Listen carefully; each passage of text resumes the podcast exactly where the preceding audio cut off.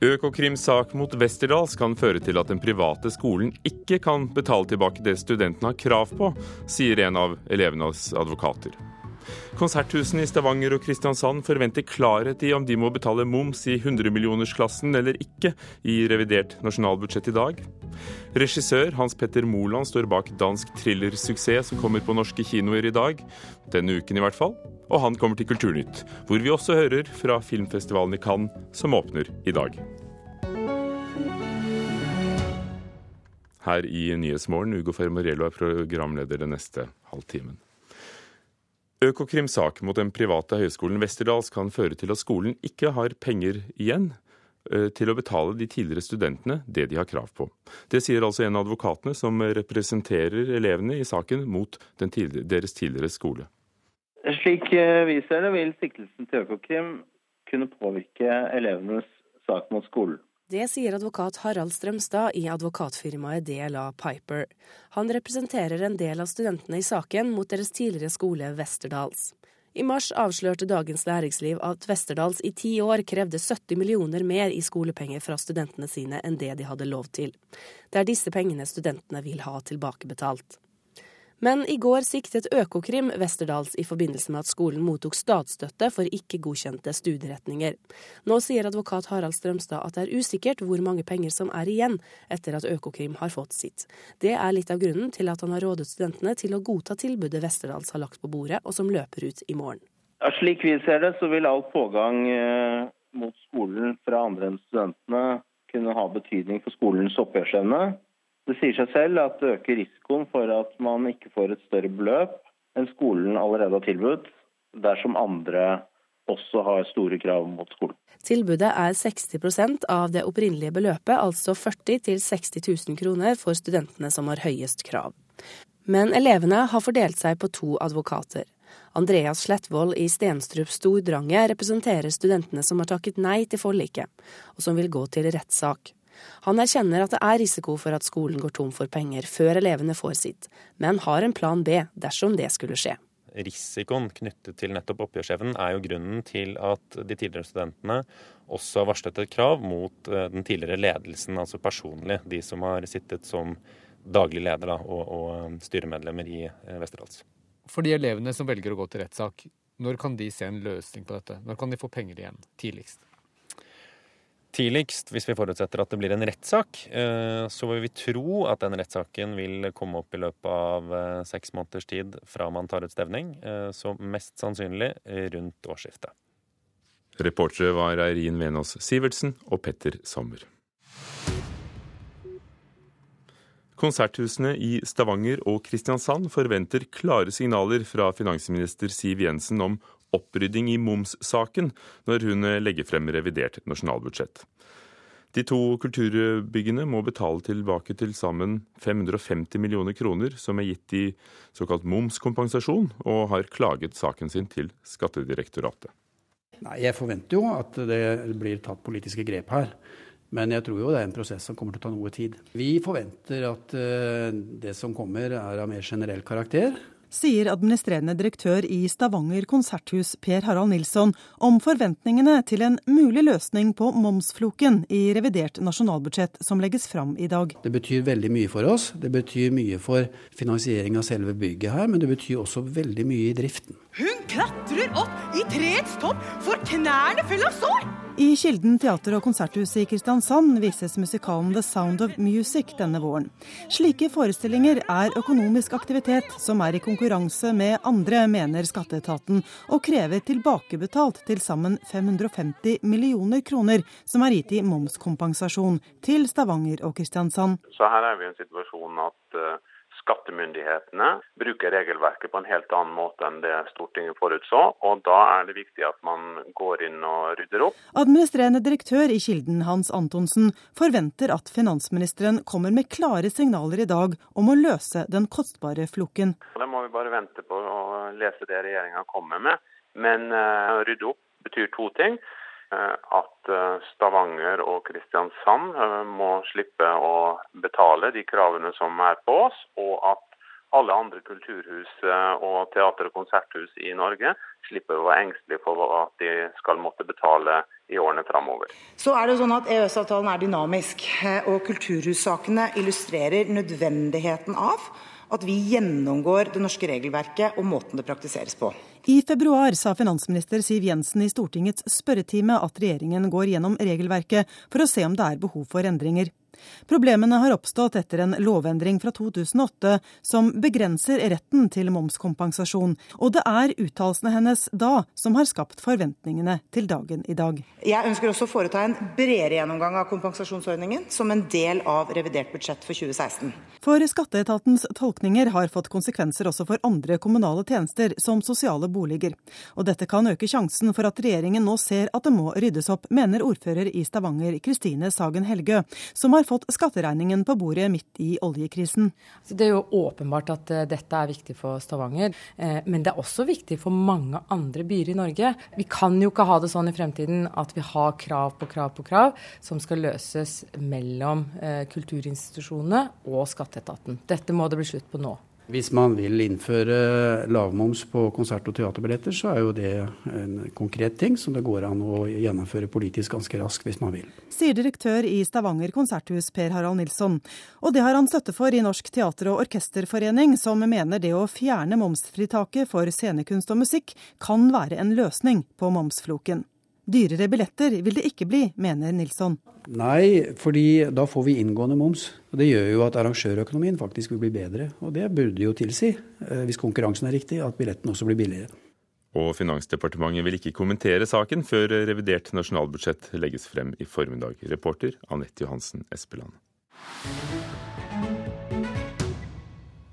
En lege så til den amerikanske artisten Prince to ganger før han døde, inkludert dagen på, for selve dødsfallet. Dette kommer frem etter eh, en ransaking i eh, artistens hjem. Eirin Venås Iversen?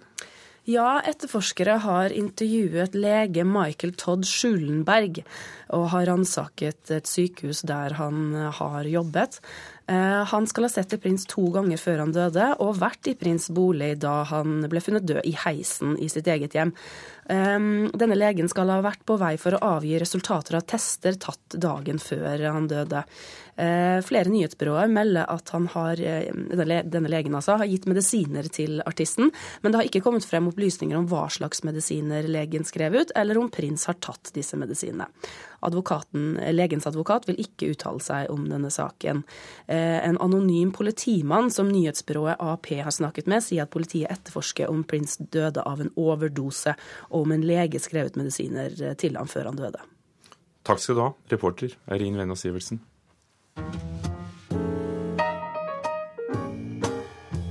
I'm expecting a call from Ginger Rogers. She's not happy with her representation, so who knows? Phil, it's Rose. Rose? Your sister. My son. He's coming to Hollywood. The man eats with Fred Astaire and Gary Cooper. I'm impressed. Fra Woody Allens nyeste film, som åpner filmfestivalen i Cannes i Frankrike i dag. Dette er en av de store festivalene som betyr mye for filmene og pressen. Og Vegard Larsen, filmjournalist i NRK. Hvilket forhold er det med, mellom Woody Allen, som har åpnet Cannes-festivalen tre ganger, og Cannes? De er gamle venner. så Eh, da festivalen la fram programmet sitt i år og, og, annonserte at festivalen skulle åpne med Woody Allens siste film 'Café Society', så, så sa festivaldirektøren at de regnet med å få eh, kanskje litt kritikk da for at han nok en gang åpner festivalen. Det er jo tredje gang han åpner festivalen. Men som han sa, eh, de har et, eh, et, meget godt forhold, og da er det helt naturlig at han får lov til å åpne festivalen. Og han har også laget en film som er typisk kan, eller en typisk kan-åpner, for å si det slik. For du har allerede fått se den. Hvordan er Café Society? Café Society er en uh, typisk Woody Allen-film. Den er satt til 1930. Eh, den foregår i uh, Los Angeles og i New York og handler om en uh, ung mann spilt av Jesse Eisenberg som ja, prøver å slå seg opp i onkelens bedrift i Hollywood. Uh, der treffer han en sekretær som han forelsker seg dypt i.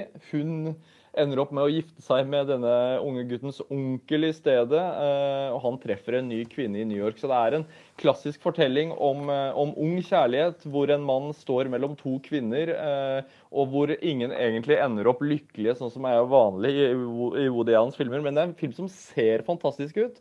Og, og det er en, ja, en deilig reise vil jeg si, tilbake til 1930-s USA. Men hvorfor er han ikke med i konkurransen? Jo, det, Han har jo fått det spørsmålet eh, mange ganger, og jeg tror svaret på det er rett og slett at han eh, ikke tør, kanskje. Eh, altså, han eh, trenger ikke å delta i konkurransen i Cannes for å markere sitt navn som filmskaper. Eh, han har jo aldri konkurrert her nede, men hans offisielle uttalelse på det har jo vært tidligere at det våger han ikke. Hvilke filmer Vegard Larsen, har du lagt merke til spesielt i hovedprogrammet i år? Festivalen eh, åpner jo med sin første konkurransefilm i kveld, eh, så jeg har ikke sett noen ennå. Men programmet på papiret ser helt utmerket ut. Eh, Altså, Andrea Arnold, britiske Andrea Arnold, som f.eks. lagde Fish Tank, er her med en film som heter American Honey, som jeg ser sterkt frem til.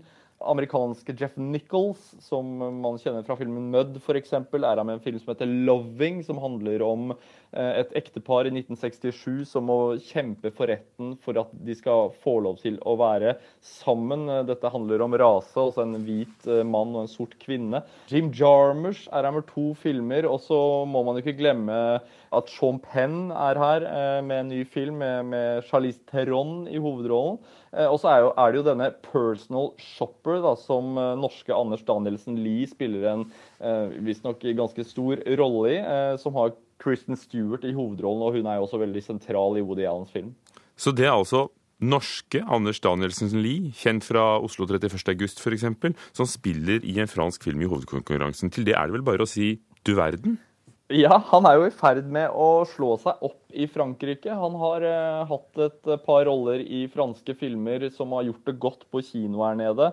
Vi hørte i går om økt sikkerhetsnivå under Cannes-festivalen. Har du merket noe til det?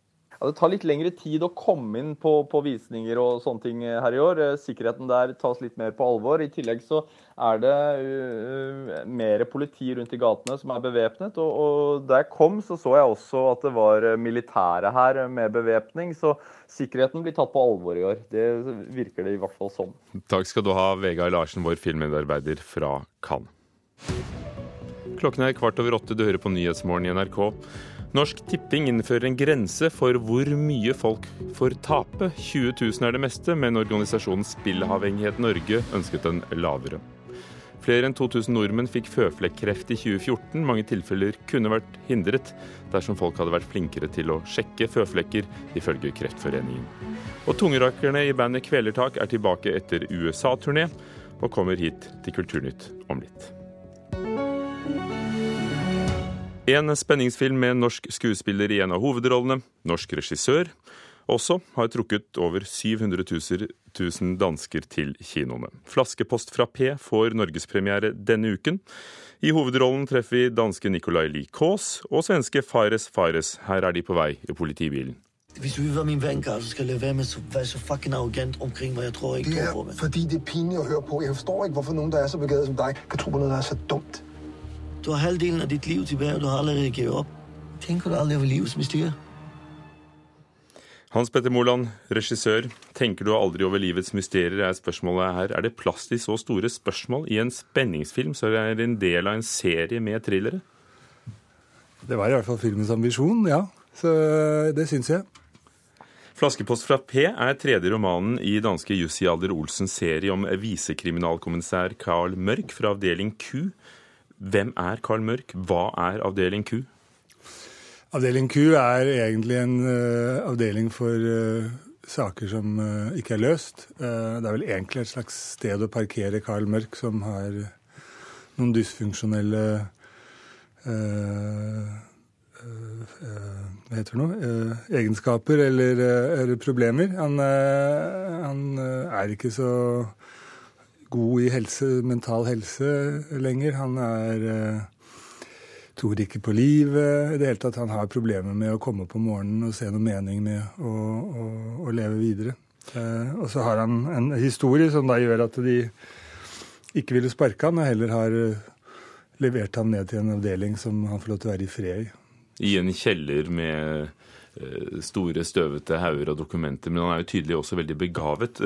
Eh, Hans Petter Moland, du er kjent for mange filmer, så jeg sier bare noen av dem. Aberdeen, The Beautiful Country, der handlingen begynner i Vietnam. Gymnaslærer Pedersen etter Dag Solstads roman. Kraftidioten nå sist. Var dette et veldig annerledes oppdrag for deg, å, å, å gyve løs på en serie med krimfilmer? Altså en av dem, da? Ja, du kan si at jeg har jo fått veldig frie Eller fått et mandat av produsent Petter Aalbeck i Sentropa om å lage den beste filmen jeg kan lage. Og det syns jeg var en fryktelig morsom oppgave. Og så er selv om disse karakterene har eksistert før, så er det en film som står på egne ben. Den behøver ikke å, Man behøver ikke ha sett de tidligere filmene. Så filmen starter og slutter som en vanlig film.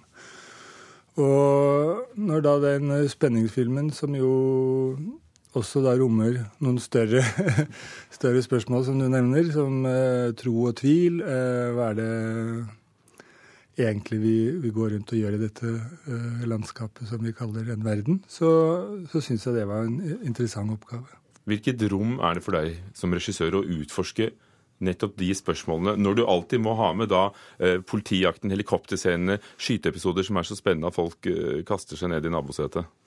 Jeg syns egentlig ikke det er noe, eh, noe motsetning i de to tingene. For det, kan si at det, det, er alltid en slags forpliktelse hos en regissør å holde sitt publikum i ånde. Men på hvilken måte de gjør det, det er jo alltid spørsmålet. Men eh, det er klart at denne filmen er jo først og fremst en film som skal underholde og få folk til å sitte og, og bite negler og sitte ytterst på setekanten. Men samtidig så er det å kunne få lov til da i en sånn eh, sjanger å leke med noen større aspekter uh, interessant. Fordi det gjør også at sjangeren brytes opp og får en ny dimensjon. Og norske Pål Sverre Hagen eh, spiller en, en, fremtredende rolle. Jeg vil jo ikke si for mye her, for det er nettopp en, en spenningsfilm. Over 700 000 dansker har sett den hittil, 200 000 i åpningshelgen. Hva tror du selv er, er det som traff dem? Jeg tror det at den har et lag utover bare det å, å, være underholdning, som gjør at man har noe å snakke om. Og kanskje når folk spør uh, hva så du i helgen, og så begynner man å snakke om det, fordi den nettopp ikke bare handler om uh, helikopter og og biljakter osv. Så, det er nok det ene. Og så tror jeg jo at eh, det er eh, skuespillere som er eh, eminente. Ikke bare Pål Sverre, som gjør en fantastisk jobb, men også Nikolai og, og Fares Fares. Er det begynnelsen på en ny karriere? Blir det flere i, om, om krim, i kriminalkommissær Mørk? Eh, det kan vel godt hende det blir flere, men det er ikke sikkert det blir med meg. Men det har vært en morsom og utfordrende oppgave. Flaskepost fra P har premiere fredag i Norge. Takk, regissør Hans Petter Moland.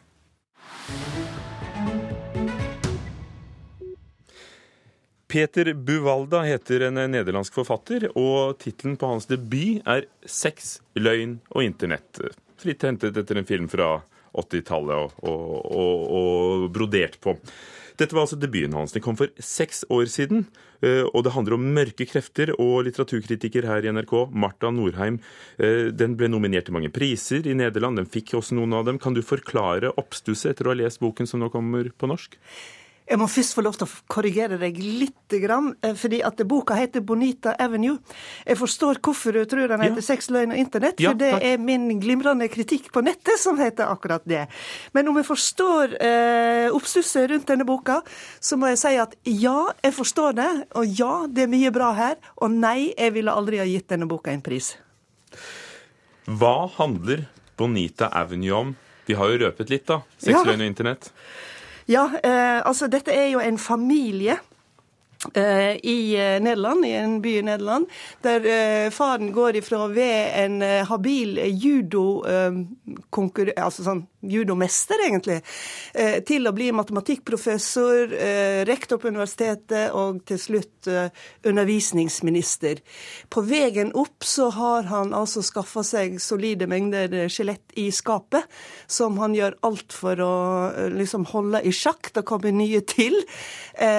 Og Eh, og da får vi for så vidt den klassiske som vi kjenner fra Ibsen og for så vidt fra den greske tragedien. ikke sant? At du, du, du, du bygger deg opp, og så får du et dramatisk fall. Er det noe mer, noe underliggende ved, ved, ved, ved temaene han tar opp, akkurat som vi hørte om det i Hans Petter Molands film? Hva er det Peter Buvalde har under der? Ja, eh, altså eh, veldig mye ligger på overflata. Altså han, han elsker eh, grafisk eh, vold og eh, nokså langtrekte eh, skildringer av det groteske, det ekle, det fryktelige, det voldelige osv. Men under der så ligger det også en diskusjon omkring disse moralske spørsmålene. Det er ikke nødvendigvis veldig prippent moralske spørsmål, men sånn type eh, skal en ta vare på de barna en har fått, selv om en ikke syns de er så enkle å ha med å gjøre. Altså det, det, er litt sånn seriøse moralske spørsmål det er snakk om. Men også mer eksistensielle spørsmål av typen eh, hva er det som styrer livet mitt? Hvordan skal jeg leve? Altså, kan jeg stå ansvarlig for mine handlinger, eller er det genene mine og driftene mine som bare herjer rundt, eh, og jeg kan skylde på naturen eller på kanskje noen andre? Og på tross av disse store, viktige temaene, hva skjedde, hva skjedde midtveis i boken for deg? Um, er, det er da at han er veldig glad i effekter. Uh, og han har også en hang til å, å, kjøre noen effekter litt i reprise. Og det er klart, når, når en mann for tredje gang blir tatt på fersken naken og må springe rundt og finne noe å kle på seg, så tenker du dette har jeg lest før. Han kunne ha begrensa seg litt. Sånn at jeg ble liksom eh, Det var en sånn turn-off rett og slett som leser, da, at eh, han, eh, han gjorde for mye ut av det. Han ville for mye, han var for ivrig. Han kjørte, kjørte historien sin for hardt. Men jeg vil gjerne lese neste bok av han, så gir den en ny sjanse, for han er jo en veldig talentfull kar. For hvilke kvaliteter er det? Eksempel språklige. Jeg skal lese et par linjer her, hvis jeg får lov. Eh, dette er om en eh, annen person enn eh, en hovedperson. Han sto åpenbart ikke i sentrum for sin egen opptreden, men strevde livet av seg på et podium han selv hadde bygd, mens den virkelige forestillingen fant sted i salen. Det er jo en veldig god skildring av en kar som egentlig ikke har fått det helt ordentlig til sånn som han prøvde på. Her prøver de veldig, men de får ikke det ordentlig til. Det syns jeg er veldig bra. Takk, Marta Norheim. Peter Buvaldas Bonita Avenue er oversatt av Hedda Vormeland til norsk, og anmeldelsen 'Sex, løyt og løgn internett' finner du på nrk.no.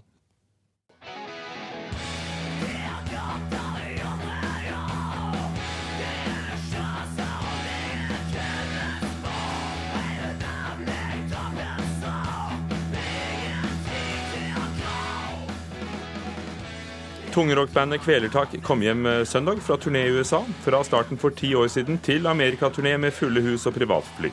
Det har vært litt av en reise. Maciej Kofstad og Vidar Landa, gitarister, velkommen. Tusen takk for det. Tusen takk. Hva hørte vi her?